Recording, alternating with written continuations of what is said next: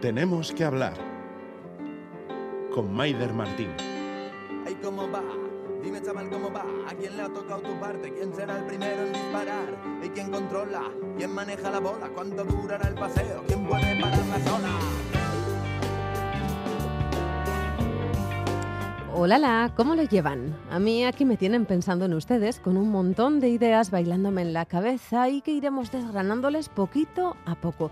El caso es que colgada de esa idea, de lo del Día Mundial de la Radio, me he puesto a pensar en ustedes que nos escuchan. Muchos eligen poner la radio porque somos información puntual, sí, pero también porque somos compañía de la buena.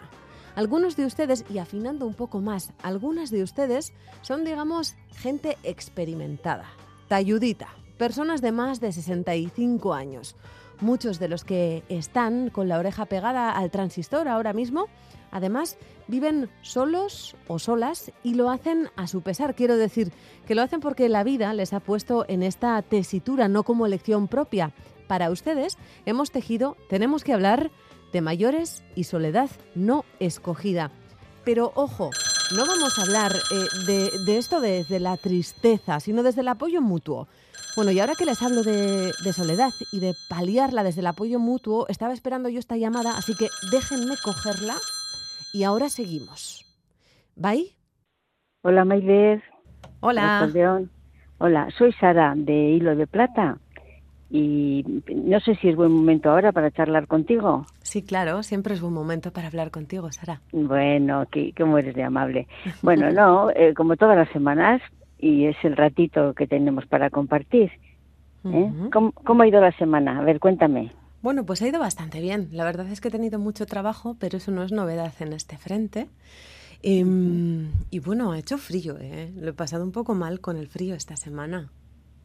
Ya, y tienes pero tienes en casa buenas condiciones como para no pasar mucho frío o el frío lo has pasado en la calle. Lo he pasado en la calle haciendo conexiones ah, eh, haciendo pues conexiones en directo sí. bueno pues eso es muy buena señal has podido salir lo que quiere decir que tienes energía más que suficiente para salir para trabajar ¿eh? otra cosa es que pasaras frío en casa que podía indicar otras cosas no desde falta de recursos, ya que sé qué. ¿Te estás riendo, Sara? me estoy riendo. Em, bueno, Sara, Sara Eguidazu, y mm, es un placer saludarte, bienvenida, tenemos que hablar. Hemos hecho este teatrillo para ilustrar que así comienza una llamada de Hilo de Plata. ¿Qué es Hilo de Plata? Cuéntame. Bueno, pues Hilo de Plata es un servicio telefónico gratuito que dentro de, lo que es Nagusilán, que es una asociación sin ánimo de lucro de voluntariado para, para acompañar y, y demás mm, a personas mayores, bueno, pues dentro de, de Nagusilán hay una sección, digamos, que es hilo de plata.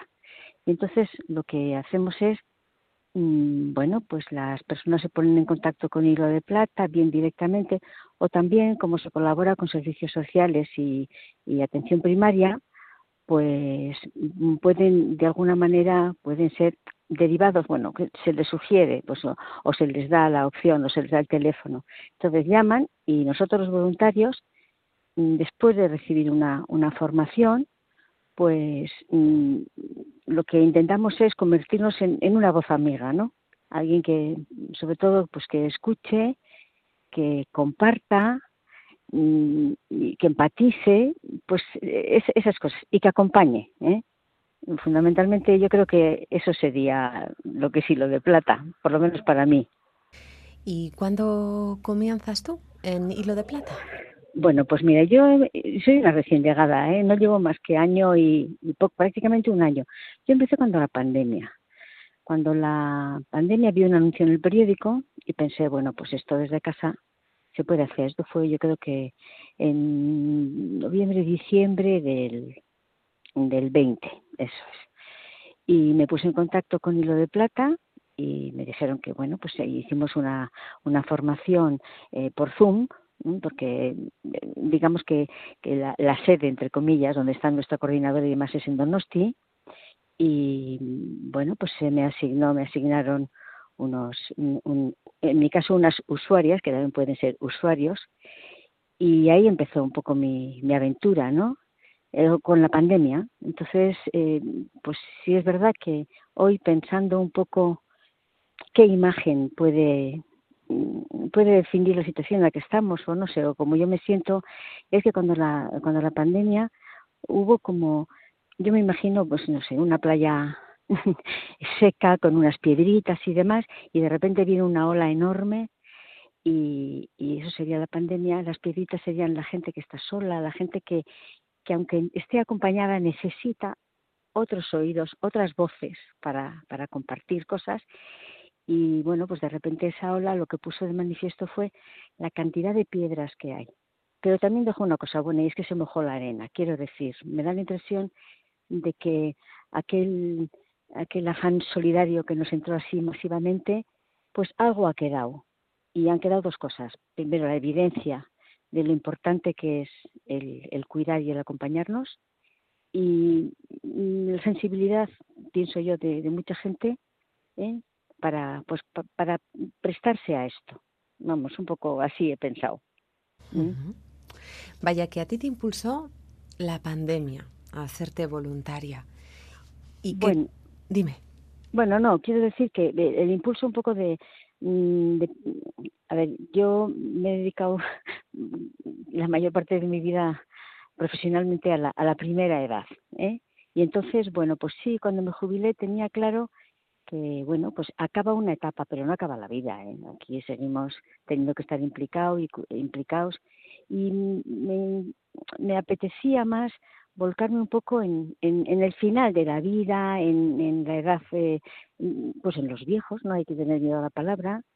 Y bueno, pues ahí encontré una, una posibilidad más de, pues de cumplir este, este deseo, ¿no? De, de colaborar de alguna manera.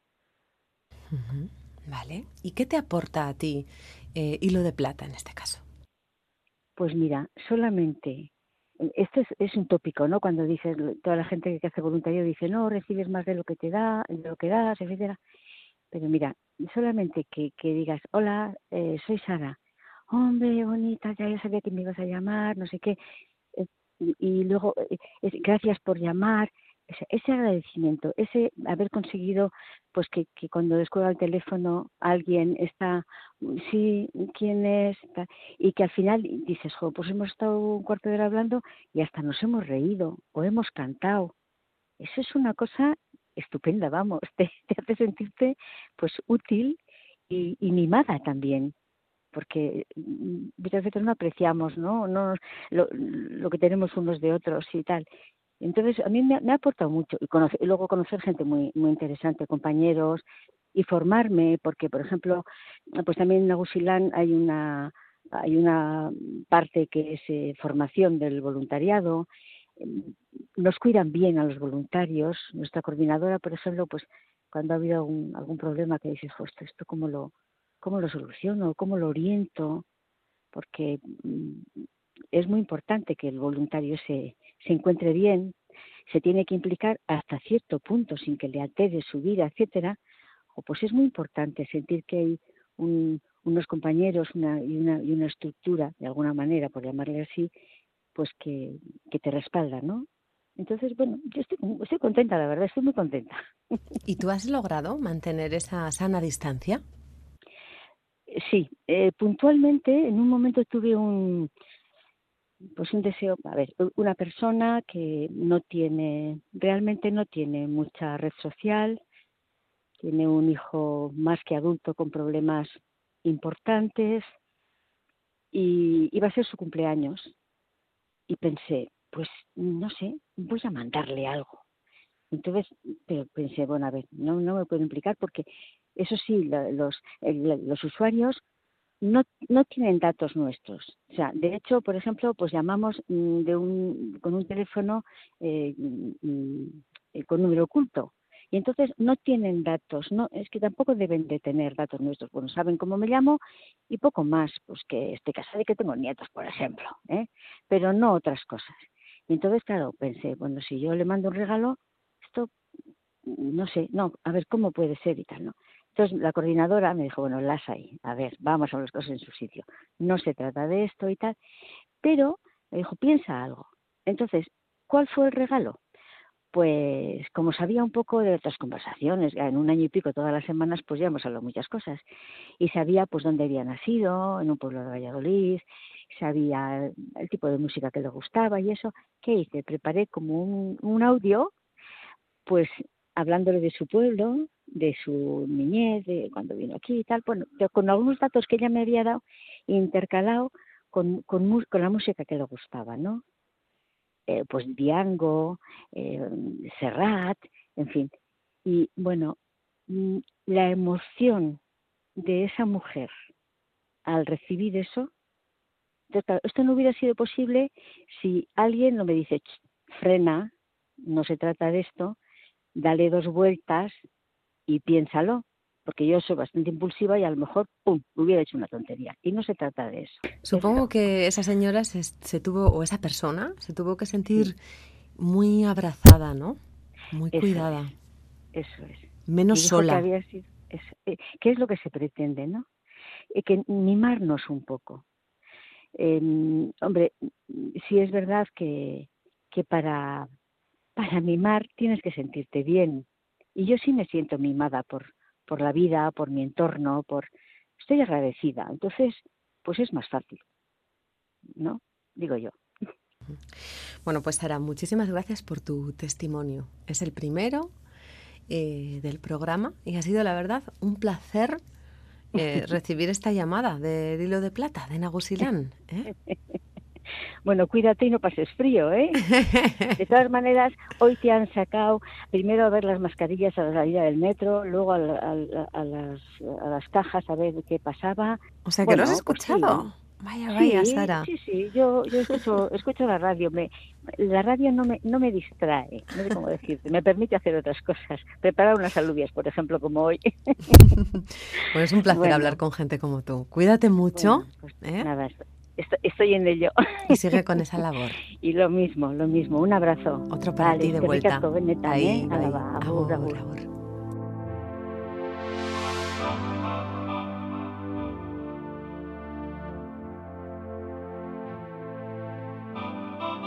Let's dance in style, let's dance for a while. Ya la han escuchado. Sara Eguidazu tiene 71 años y es voluntaria en Hilo de Plata, un proyecto de Nagusilán, asociación de ayuda a personas mayores para que se sientan menos solos o tengan menos sentimiento de soledad. También hemos descubierto que es un oyente fiel de la radio, porque se ha escuchado las conexiones que he hecho esta semana para Boulevard, cosas que pasan cuando trabajas por aquí.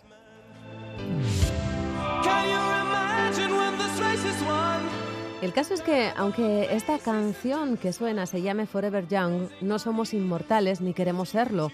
Pero lo que sí es urgente es envejecer con calidad. Por supuesto, calidad en los cuidados físicos y básicos, pero pocas veces hablamos de envejecer con calidad emocional. Y de eso, en esta sociedad individualista y ultra rápida, parece que cada vez sabemos menos.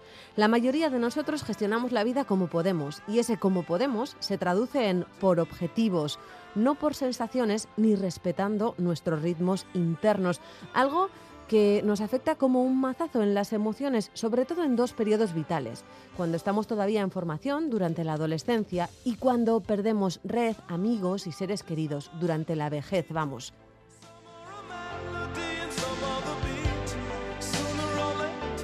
Y en esto último, ya les he dicho desde el principio, es donde nos vamos a parar. Según los últimos datos del Eustat, en Euskadi residen casi 500.000 mayores de 65 años. Son el 23% de la sociedad. De esos 500.000, el 58% son mujeres y el 42% hombres. Vizcaya es el territorio histórico más envejecido y Araba el más joven.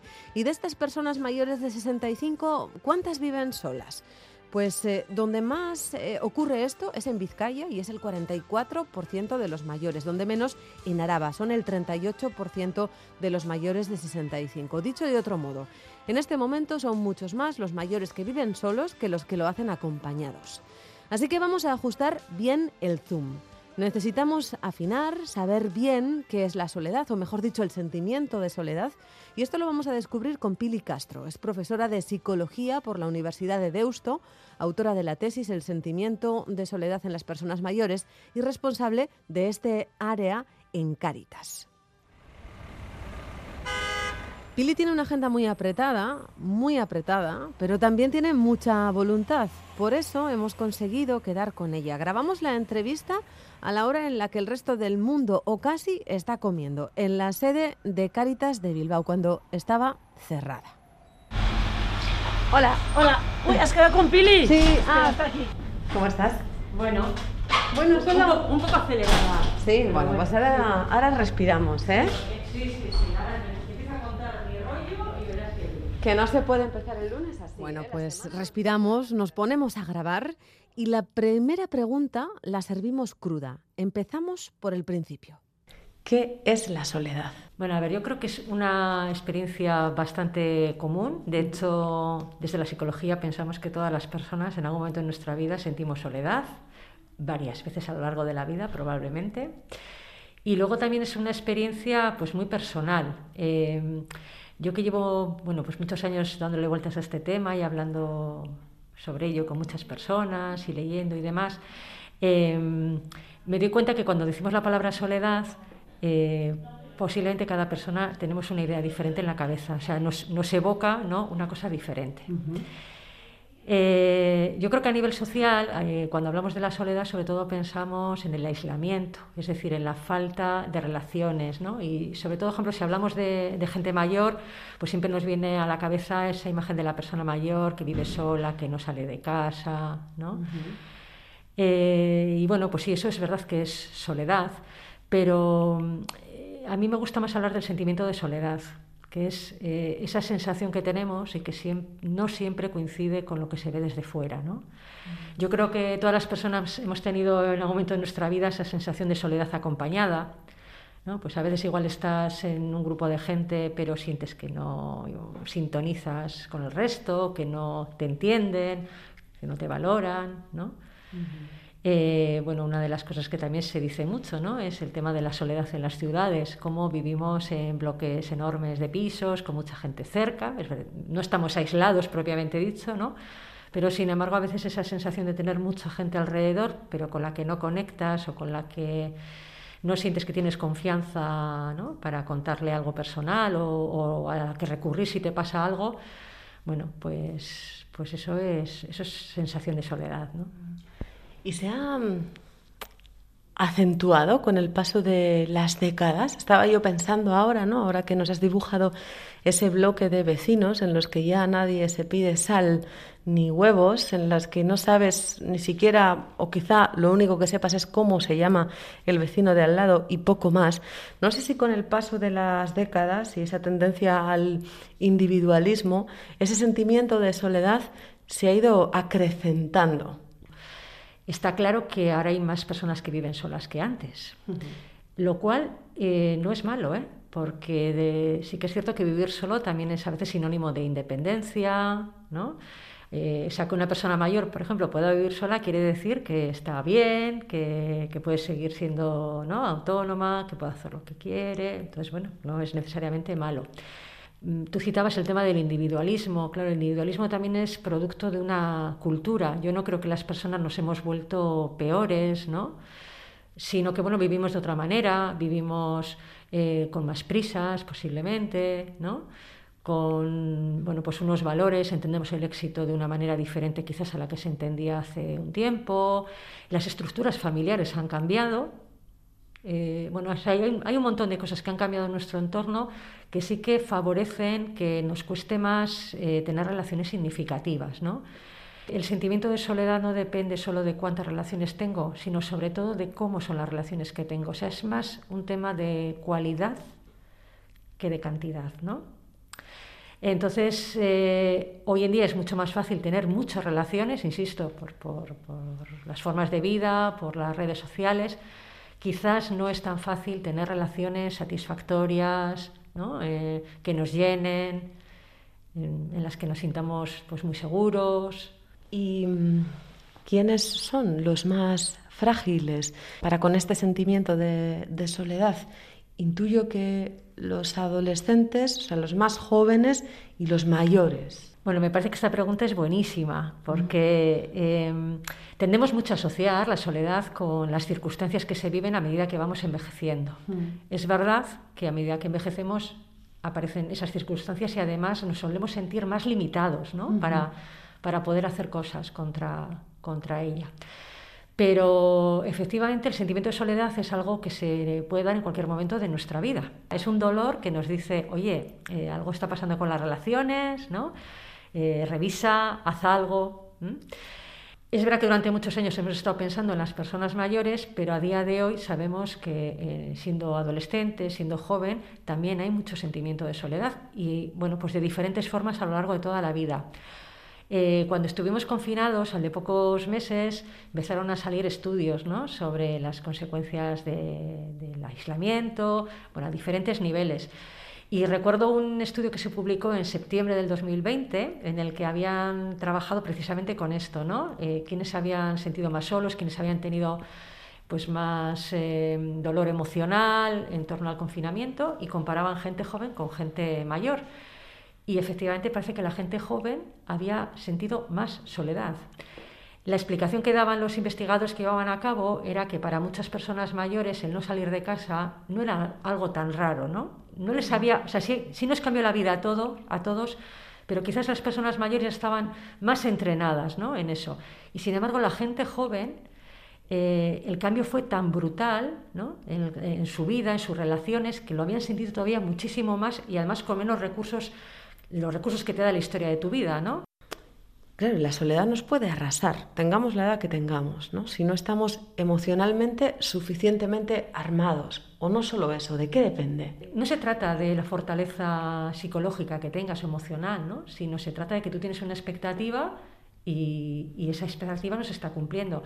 Efectivamente, podemos aprender a vivir con ello, podemos modificar nuestra expectativa, podemos hacer cosas, ¿no? Pero sí me parece interesante esa idea de que el sentimiento de soledad no tiene nada que ver con nuestra fortaleza emocional, que al final es, pues eso, hay un desequilibrio ¿no? entre lo que yo necesitaría y lo que yo querría, y eso me produce, me, produce malestar en, cuanto a las relaciones. Sí que es verdad que una cosa que se ha estudiado y que a mí me parece tremendamente interesante es qué hacemos las personas cuando nos sentimos solas, ¿no? Y bueno, yo diría que hay como dos tipos de posibilidades. Una es hacer cosas para conseguir las relaciones que necesitarías o que querrías, ¿vale? Y la otra es eh, intentar eh, eh, no pensar en ello, no, no, hacer, no, no, dejar mucho sitio ¿no? al pensamiento y al sentimiento que eso genera. ¿no? Esto es, bueno, en, en, psicología es algo que se habla del afrontamiento y es afrontamiento centrado en el problema o centrado en la emoción. ¿no? Entonces, ante la soledad encontramos personas que eh, dicen, jo, pues igual, fíjate, es que con aquella amiga que yo me llevaba tan bien, eh, discutí, jo, es que lo que tengo que hacer es pedirle perdón porque realmente pues me doy cuenta que lo hice mal y tal, ¿no?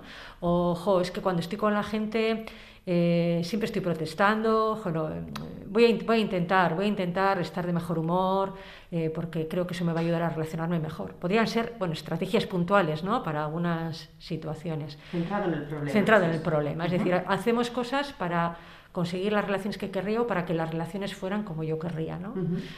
Eh, otro tipo de estrategias irían, pues eso, por centrado en la emoción, ¿no? Eh, mira, yo lo que voy a hacer es que eh, para que no se me caiga la casa encima y para no sentirme sola, voy a estar todo el tiempo que pueda en la calle, ¿no? O, o voy a buscarme hobbies que me entretengan para, pues eso, para despistar la soledad, ¿no? Las dos cosas están bien, quiero decir que cada cual en cada momento de nuestra vida y depende de la explicación que damos de nuestra soledad, recurrimos más a una o, la otra, ¿no? Te preguntaba esto porque mm, creo que en general, o quizás sea yo, eh, la que asocia tres conceptos, ¿no? Soledad, aislamiento y tristeza, depresión son términos relacionados, no cabe duda, ¿no? A ver, eh, el aislamiento eh, se mide por el número de relaciones que tienes y el número de contacto que tienes con esas relaciones. ¿no? Entonces, bueno, hay un aislamiento físico claro, eh, el del ermitaño, ¿no? que, que decide, bueno, no tener relación con el mundo y estar solo sola. Bueno, pues eso sería aislamiento. Aislamiento es eh, vivir en un barrio de no sé qué pueblo, ¿no? en un caserío y no ver a nadie en no sé cuánto tiempo. Es decir, hace, hace referencia al número de relaciones y a la, frecuencia de contactos. Me he ido a situaciones extremas, ¿no? Aislamiento puede ser alguien que vive en el centro de Bilbao y que sale a la calle y nunca habla con nadie, no tiene con quién hablar, podría ser aislamiento. Eh, el término soledad puede tener, es como decía antes, ¿no? un significado para cada persona. En general, pues vemos que la soledad a veces eh, utilizamos esa palabra para referirnos al vivir solo, ¿no? pues eso, también más al número de relaciones, lo que llamamos la soledad objetiva. Y, luego está este otro, este otro significado, ¿no? más del sentimiento de soledad, ¿no? de soledad sintónica, acordándome de las radios antiguas, precisamente, aquellas que tenían el dial, ¿no? Porque claro, eh, tú podías encender la radio, si no ponías el dial en su sitio, lo que oías era ruido, ¿no? Para mí esto fue muy, muy interesante porque creo que cuando hablamos de las personas mayores, eh, nos preocupa que no estén solas, nos preocupa que estén cuidadas, pero a veces no caemos en cuenta ¿no? de este tema de la sintonía, que yo creo que si miramos a nuestras vidas, independientemente de nuestra edad, todo el mundo, ¿no? Sabemos de qué estamos hablando. Me estoy sonriendo por debajo de la mascarilla. Claro que sí, sabemos de lo que hablamos. Y esta soledad sintónica es la que nos lleva a esa tercera palabra que te decía yo, tristeza, depresión. Mm, sí, a veces también las anteriores, porque claro, si yo estoy viviendo sola cuando lo que me gustaría es vivir con alguien, ¿no? Eh, bueno, lo que sí que hay muchos estudios que nos indican ¿no? que el sentimiento de soledad y la depresión están muy relacionados. Es decir, a veces el sentimiento de soledad mantenido en el tiempo te lleva a, pues a una depresión. A veces la depresión es la causa de la soledad. ¿eh? A veces, bueno, son, son dos vivencias bueno, pues que tienden a relacionarse. Y también es verdad que el tema del confinamiento pues ha sido otra vez como otro revulsivo para el tema de la soledad. Lo que pasa que mm, el, COVID lo que nos ha puesto encima de la mesa no es tanto el sentimiento de soledad, sino que es el aislamiento de nuevo. ¿no? Cuanto mayores somos, vamos perdiendo, sí o sí, porque es la vida, es ley de vida, personas a las que queremos, a las que hemos cuidado, con las que hemos estado. Supongo que mm, son más frágiles en este punto nuestros mayores.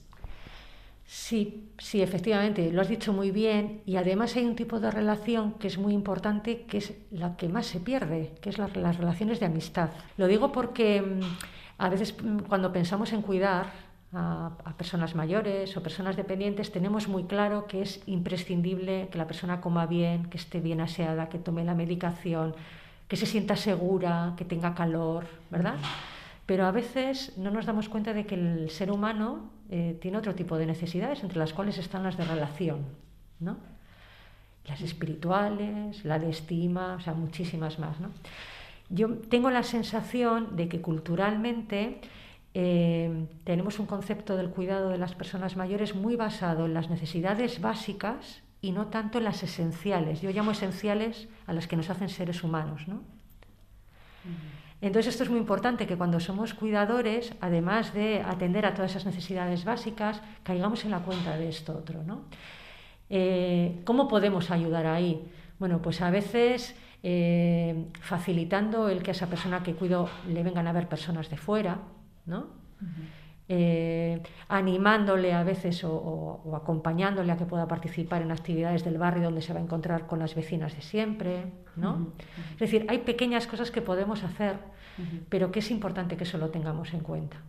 Y bueno, pues por ejemplo, esto es una de las tareas que hacemos desde las organizaciones de voluntariado. ¿no?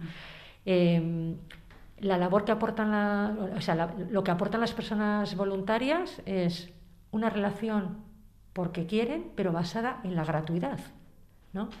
Y eso, claro, otorga a la relación un matiz que no se puede conseguir de otra manera. ¿no? Yo como hija ¿no? puedo querer mucho a mi madre, la puedo cuidar, tenemos mucha confianza, pero eh, eso no quita para que mi madre necesite hablar con otras personas. O sea, no se trata de que la familia no atiende, ¿vale? sino que se trata de que yo como familia o yo como cuidadora profesional, ¿no? No puedo cubrir todas las necesidades de relación de esa persona. Sí, esa persona tiene que estar con más gente, se tiene que alimentar de más fuentes de vida, ¿no? Al final. Si ella lo desea, claro. Eh, claro, vosotros, las asociaciones de voluntariado existís, existen porque hay una carencia. Yo no sé si como sociedad estamos, si estoy dando por hecho esto, me lo dices ahora, y no sé si como sociedad estamos dando la espalda a nuestros mayores, sobre todo en eso que tú has llamado relaciones significativas, ¿no? Porque les tratamos eh, muchas veces eso, cubriendo eh, sus necesidades básicas y para todo lo demás hay una evidente infantilización del mayor, ¿no?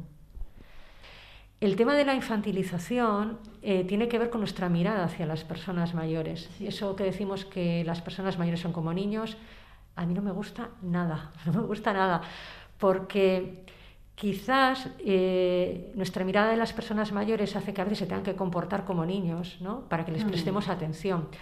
Pero hay una diferencia enorme y es que un niño tiene poca historia, poca experiencia. Una persona mayor tiene todo un recorrido. Una persona mayor es adulta, es una persona adulta, ¿no? Con todo su recorrido de vida. Y claro, cuando tú a alguien le infantilizas, le estás ofreciendo un tipo de relación y una manera de relacionarte, ¿no? Que no le estás tratando como lo que es, que es una persona adulta. Lógicamente ahí se produce una insatisfacción con la relación, ¿no? Yo creo que, que esta clave también es importante, que el sentimiento de soledad es una insatisfacción con mis relaciones, con cómo son mis relaciones. Y, también creo que es importante resaltar, porque no sé ¿no? Eh, qué podemos tener cada uno en nuestra cabeza en este momento cuando hablamos de la soledad.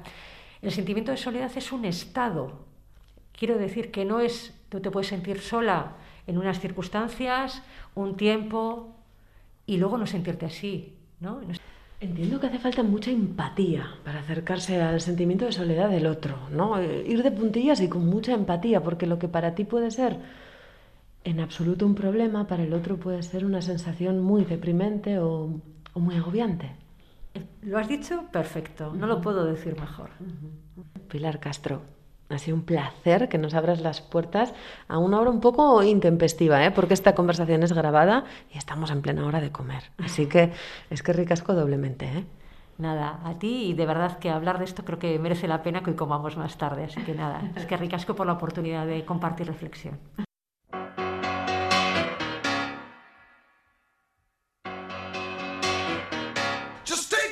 Bueno, pues empatía modo on y allá que vamos, a apaciguar la soledad. En este caso la de Pilar.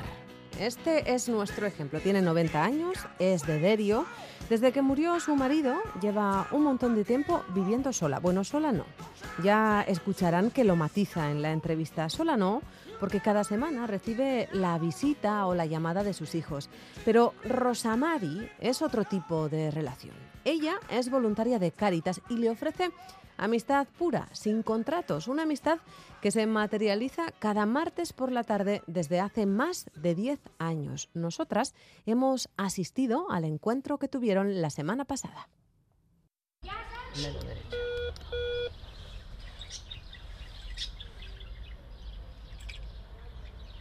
No, pero igual no, no, abre ya. ¿Tienes llaves o qué? No, no, no ves. Ah. Hola, Pilar. Hola. ¿Puedo pasar? Sí, sí, pasamos, Esta ya está bien, pasamos, Qué alegría me da conocerla, Pilar. Pues. Pues porque me han dicho que es usted muy maja. Sí, preciosa. los años que tengo, fíjate. A ver cómo os colocáis, os sentáis. A ver, ¿de qué temas hay que hablar? Porque para hablar estamos nosotras. Pilar, ¿a qué sí? Bueno, como no lo sé a lo que se refiere. Pues eh, las cosas que charlamos. Uy, tantas cosas que se charlan de los de casa solo. Sí, no. Críticas nada. No, no. No, no, no, críticas no.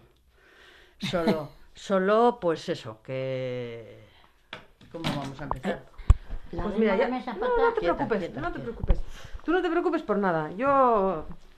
A ver, yo me encargo. ¿Por dónde vamos a empezar? Mira, pues vamos a empezar.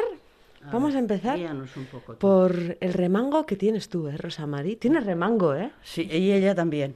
Sí, ¿eh? ¿No has visto que ya ha ido a coger lo que se te ha caído? Sí. Sí, sí, sí. Es tremenda, es... Sois dos mujeres de armas tomar, ¿eh? Sí, sí, pues ella más, porque fíjate... Me parecerá un poco, acabo de sentarme hace media hora hoy. Pablo estuvo aquí todo el día el sábado El hijo. Y estuvo, estuvo picándome la, eso. A la calabaza que le traje yo el martes pasado. Ah, que le traje un trozo de calabaza así. y así. Porque aquello está muy duro para ti, Pilar. Oh, imposible de partirlo. Se tiraría igual una hora, majo. No para partir, para pelar luego. Y para pelarlo. Lo fue partiendo en torrajas pequeñitas para costarle menos. Y bien. Y hoy has estado gestionando la calabaza, ¿no? Trabajando con ella. No, solo ponerla a cocer, echar cebolla y cosas de esas. ¿Solo? No. Ya. Si no, se hace así. Eh, Rosa Mari, ¿tú cuándo conoces a Pilar? Yo conozco a Pilar, tenían, tienen una lonja pequeñita ahí abajo, eh, por donde hemos venido, la parte de abajo, tienen una lonja pequeñita y su marido era zapatero. Y alguna vez que venía por zapatos, entregaba los zapatos y luego venías a recoger cuando te arreglaban. Y alguna vez hasta huella. Pero lo demás fue a cuenta de Caritas, que se quedó sola. Tomás le dijo, ¿te gustaría, Pilar, que también vendrían? A... Sí, sí, sí, ¿cómo no? ¿Quién es Tomás? Tomás es el presidente, vamos a decir, el que nos lleva las... que tenemos solo es solo está él de esto y le tenemos a él de yo le llamo el presidente no sé cómo se le llamará. Es el coordinador del equipo eso es coordinador. Y vinimos los dos y dice esta uy si esta ya la conozco ese fue nuestro encuentro bueno, durante toda la entrevista, ya la van a escuchar, Pilar se preocupa y se preocupará mucho porque le estoy preguntando y repreguntando de rodillas, sentada en la alfombra de su casa. Llegaba aquí a las 4 de la tarde. ¿Sí? Bueno. ¿Quiere que la pongamos ese ahí? No, y no me trate de usted, por favor. Esta, mujer, como ya habéis venido a visitarnos, esta mujer me tenía el mantel puesto con mi vaso de leche, con el escafinao, unas galletitas y había que merendar. ¿Eso cada, cada cuánto? Todos los martes de la semana. Todos. Todos los martes. Todos los martes. Pilar, ¿cómo recuerdas que llegas tú a encontrarte con Rosa, con Rosa Mari? Pues eh, como íbamos mucho de paseo por ahí, mi marido y yo, pues les conocía de eso. ¿Y tu marido fallece y tú entras en este sistema de Cáritas? Claro, por ella, por Rosa, todo. ¿Y cómo fue de repente el primer día? Cuando dices, bueno, pues le voy a abrir la puerta a una persona a la que conozco de vista, pero no conozco. No, pero yo al ver que era una persona que conocía, pues no me pilló de, o sea, de improviso. no, ¿Qué dices? No solamente conmigo. Yo, eh, que le conozco, es muy, muy, muy, muy, atrae a mucha gente. O sea, se da mucho, enseguida se da a querer. Eh, abre las puertas, bueno, como que pone la llave, yo no tengo llave, no quiero, pero da llave a... a. Entonces tengo una chica que viene, hoy vendrá, la he dicho, digo, no tengas mucha prisa, digo, porque tengo compañía. y como estaba arreglando la cocina, dice, no, dice, estoy porque se lo está haciendo un cuñado. Dice, no, dice, en vez de ir corriendo, dice, voy más despacio. ¿Una chica que te ayuda en casa o cómo? No, no. no. Mis hijos que me han cogido para que venga dos horas a llevarme a andar y eso. Ha tenido una racha muy bajita. muy bajita. Tengo una anemia, o como llaman eso. Anemia, sí. Pero no se sabía lo que había, pero ella se encontraba mal. Le han hecho anemia y ya tiene falta de hierro. Y en ese eso los hijos le han visto que, claro, estaba muy baja y le han y, y viene una chica dos horas. Y luego por la mañana me viene otra, por el gobierno vasco, claro. Una hora para hacerme las cosas, o ir a la farmacia y cosas Eso es ya de hace más tiempo. No te preocupes, es mi trabajo, yo estoy encantada, porque así te escucho mejor. Sí. Lo importante es Tengo que hablar más alto. No, estupendo, estupendo. Lo que les decía, que Pilar sigue insistiendo en que me siente en una silla, en que deje de estar en el suelo.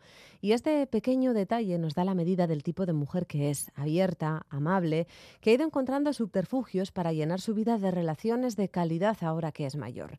Relaciones de ayuda, de voluntariado, en muchos casos como la de Rosa Mari, que se ha ganado hasta una foto bien enmarcada en la mesa del salón de casa de Pilar, como si fuera un familiar más. Que veo aquí yo que tienes eh, una foto en la que sales con Rosa Mari. ¿Eso qué? Pues porque... La relación ya no es solo de una visita a la semana los martes, ¿no? Es que la invitamos a tomar café el día de mi cumpleaños. A ellos. Hasta el año pasado, pues eso. Hombre, este año también estabas invitada. Sí, sí, sí, sí, sí. Lo que pasa que con lo que nos está cayendo, pues no fuimos. Eso.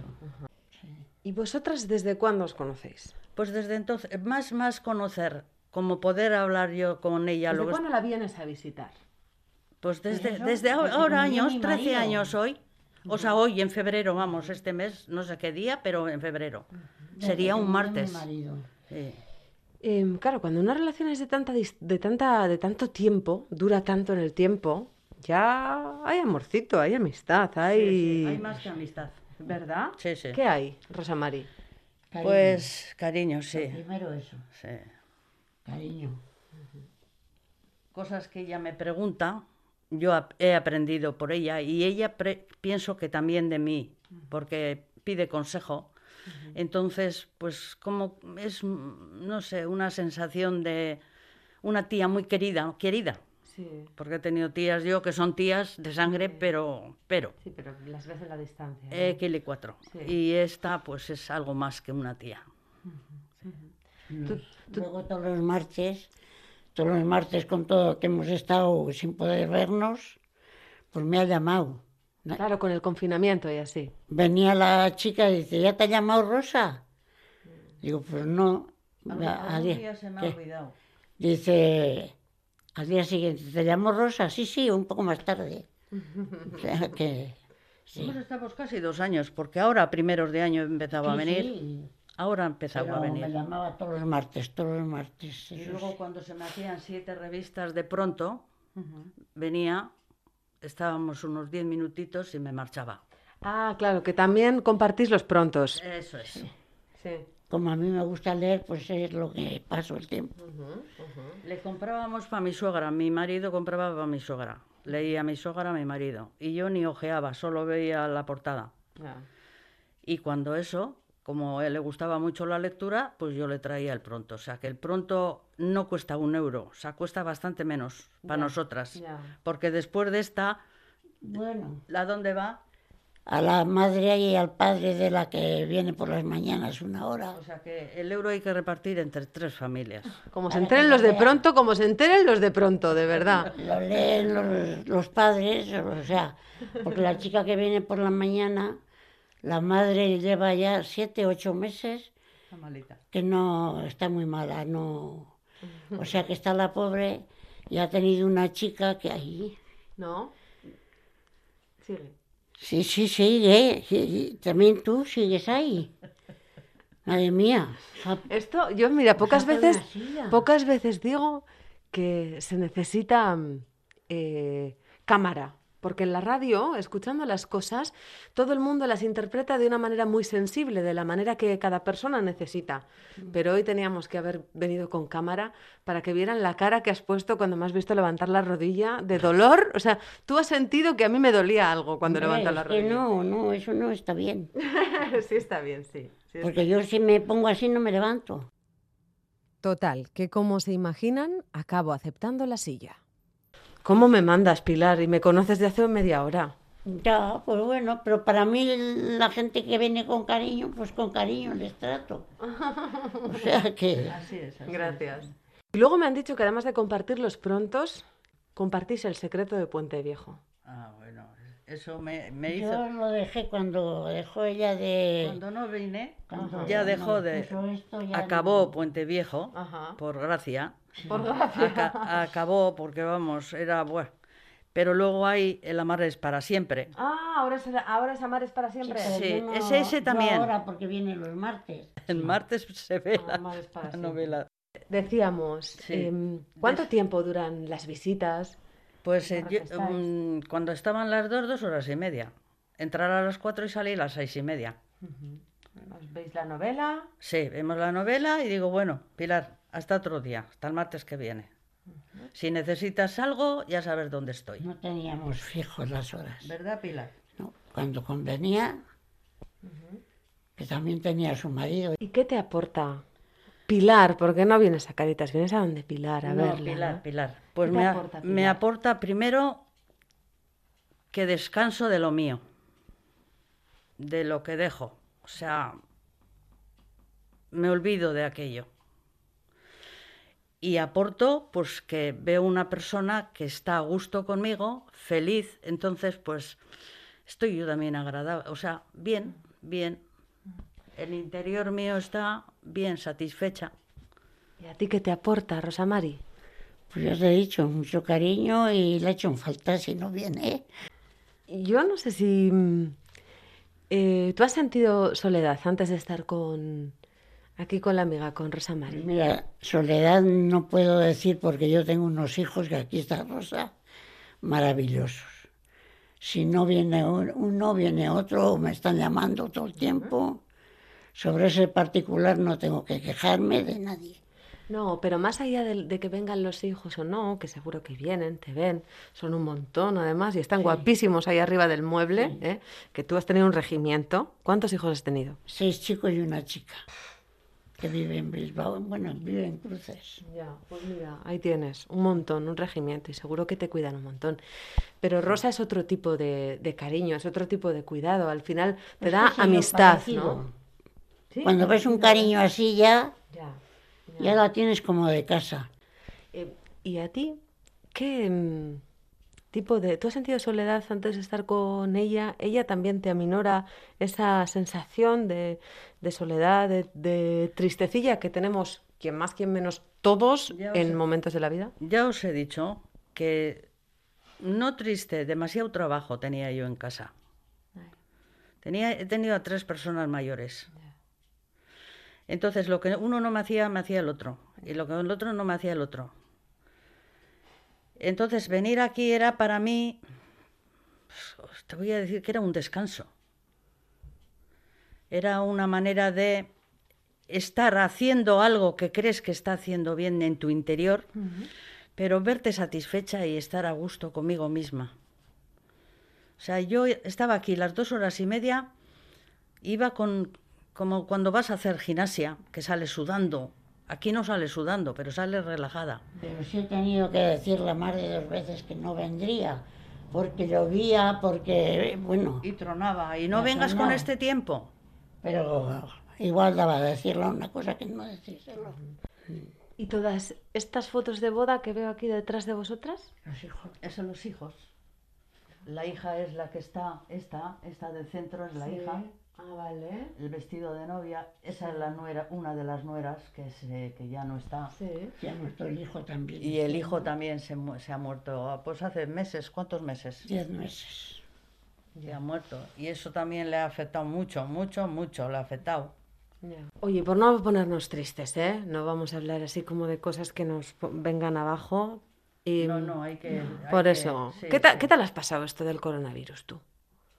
¿Te has agobiado o no? El coronavirus, ¿qué tal lo has pasado? Lo de estar todo el rato en casa, la mascarilla. estoy igual.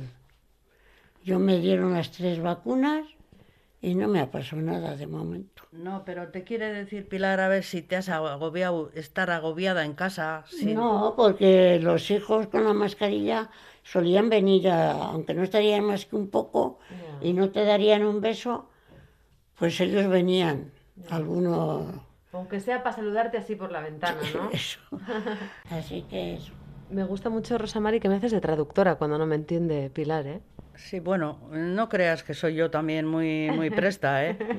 Ya me verás el acento que tengo de Escaldún. No, muy bien, muy bien. Pero no sé bien ni el castellano ni bien el euskera, o sea que un chapapurri. Pero os entendéis muy bien vosotros ah, dos, ¿eh? Sí, pero el euskera nada, ¿eh? soy de Burgos, que no soy de aquí. Ya. y em, eso ya para aprenderlo ya es muy difícil. Con 90... Es difícil. Claro Tú me dirás. aquí son es difícil, Pilar. Em, bueno, chicas, veo que a todos les saquéis punta, de todo tenéis que contar.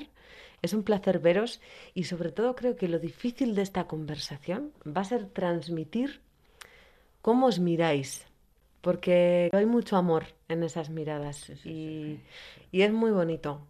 ¿Lleváis juntas cuántos años? ¿Trece? Trece, sí. Y, la de Puente Viejos que vais a aguantar vosotras dos. Sí, sí, Así que mil gracias, ¿eh? Es que ricasco. Esta os The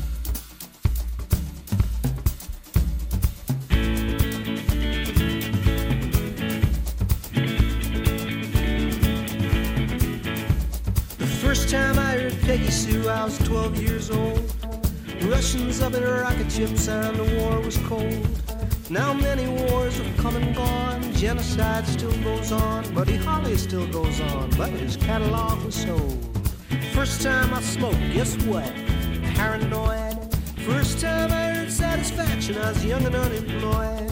Pues así, con Paul Simon cantándonos al oído, se nos ha ido la hora, una hora en la que hemos hablado de cómo envejecer con calidad, también emocional. Hemos hablado de cuidar las relaciones interpersonales cuando somos mayores y de cómo implicarnos y cómo mirar incluso a esos mayores. Porque hay llegar a viejos con salud y bien rodeados de gente que nos quiera es el anhelo de todos, ¿no? On Baby About 1500 years ago, messenger spoke, and his wisdom like a river flowed through hills of gold. Wisdom is old, the Koran is old, the Bible is old, greatest story ever told.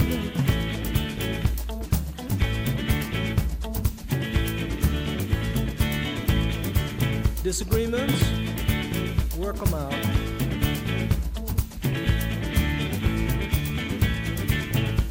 The human race has walked the earth for 2.7 million, and we estimate the universe about 13, 14 billion. When all these numbers tumble into your imagination, consider that the Lord was there before creation. God is old, we're not old. God is old, He made the mold.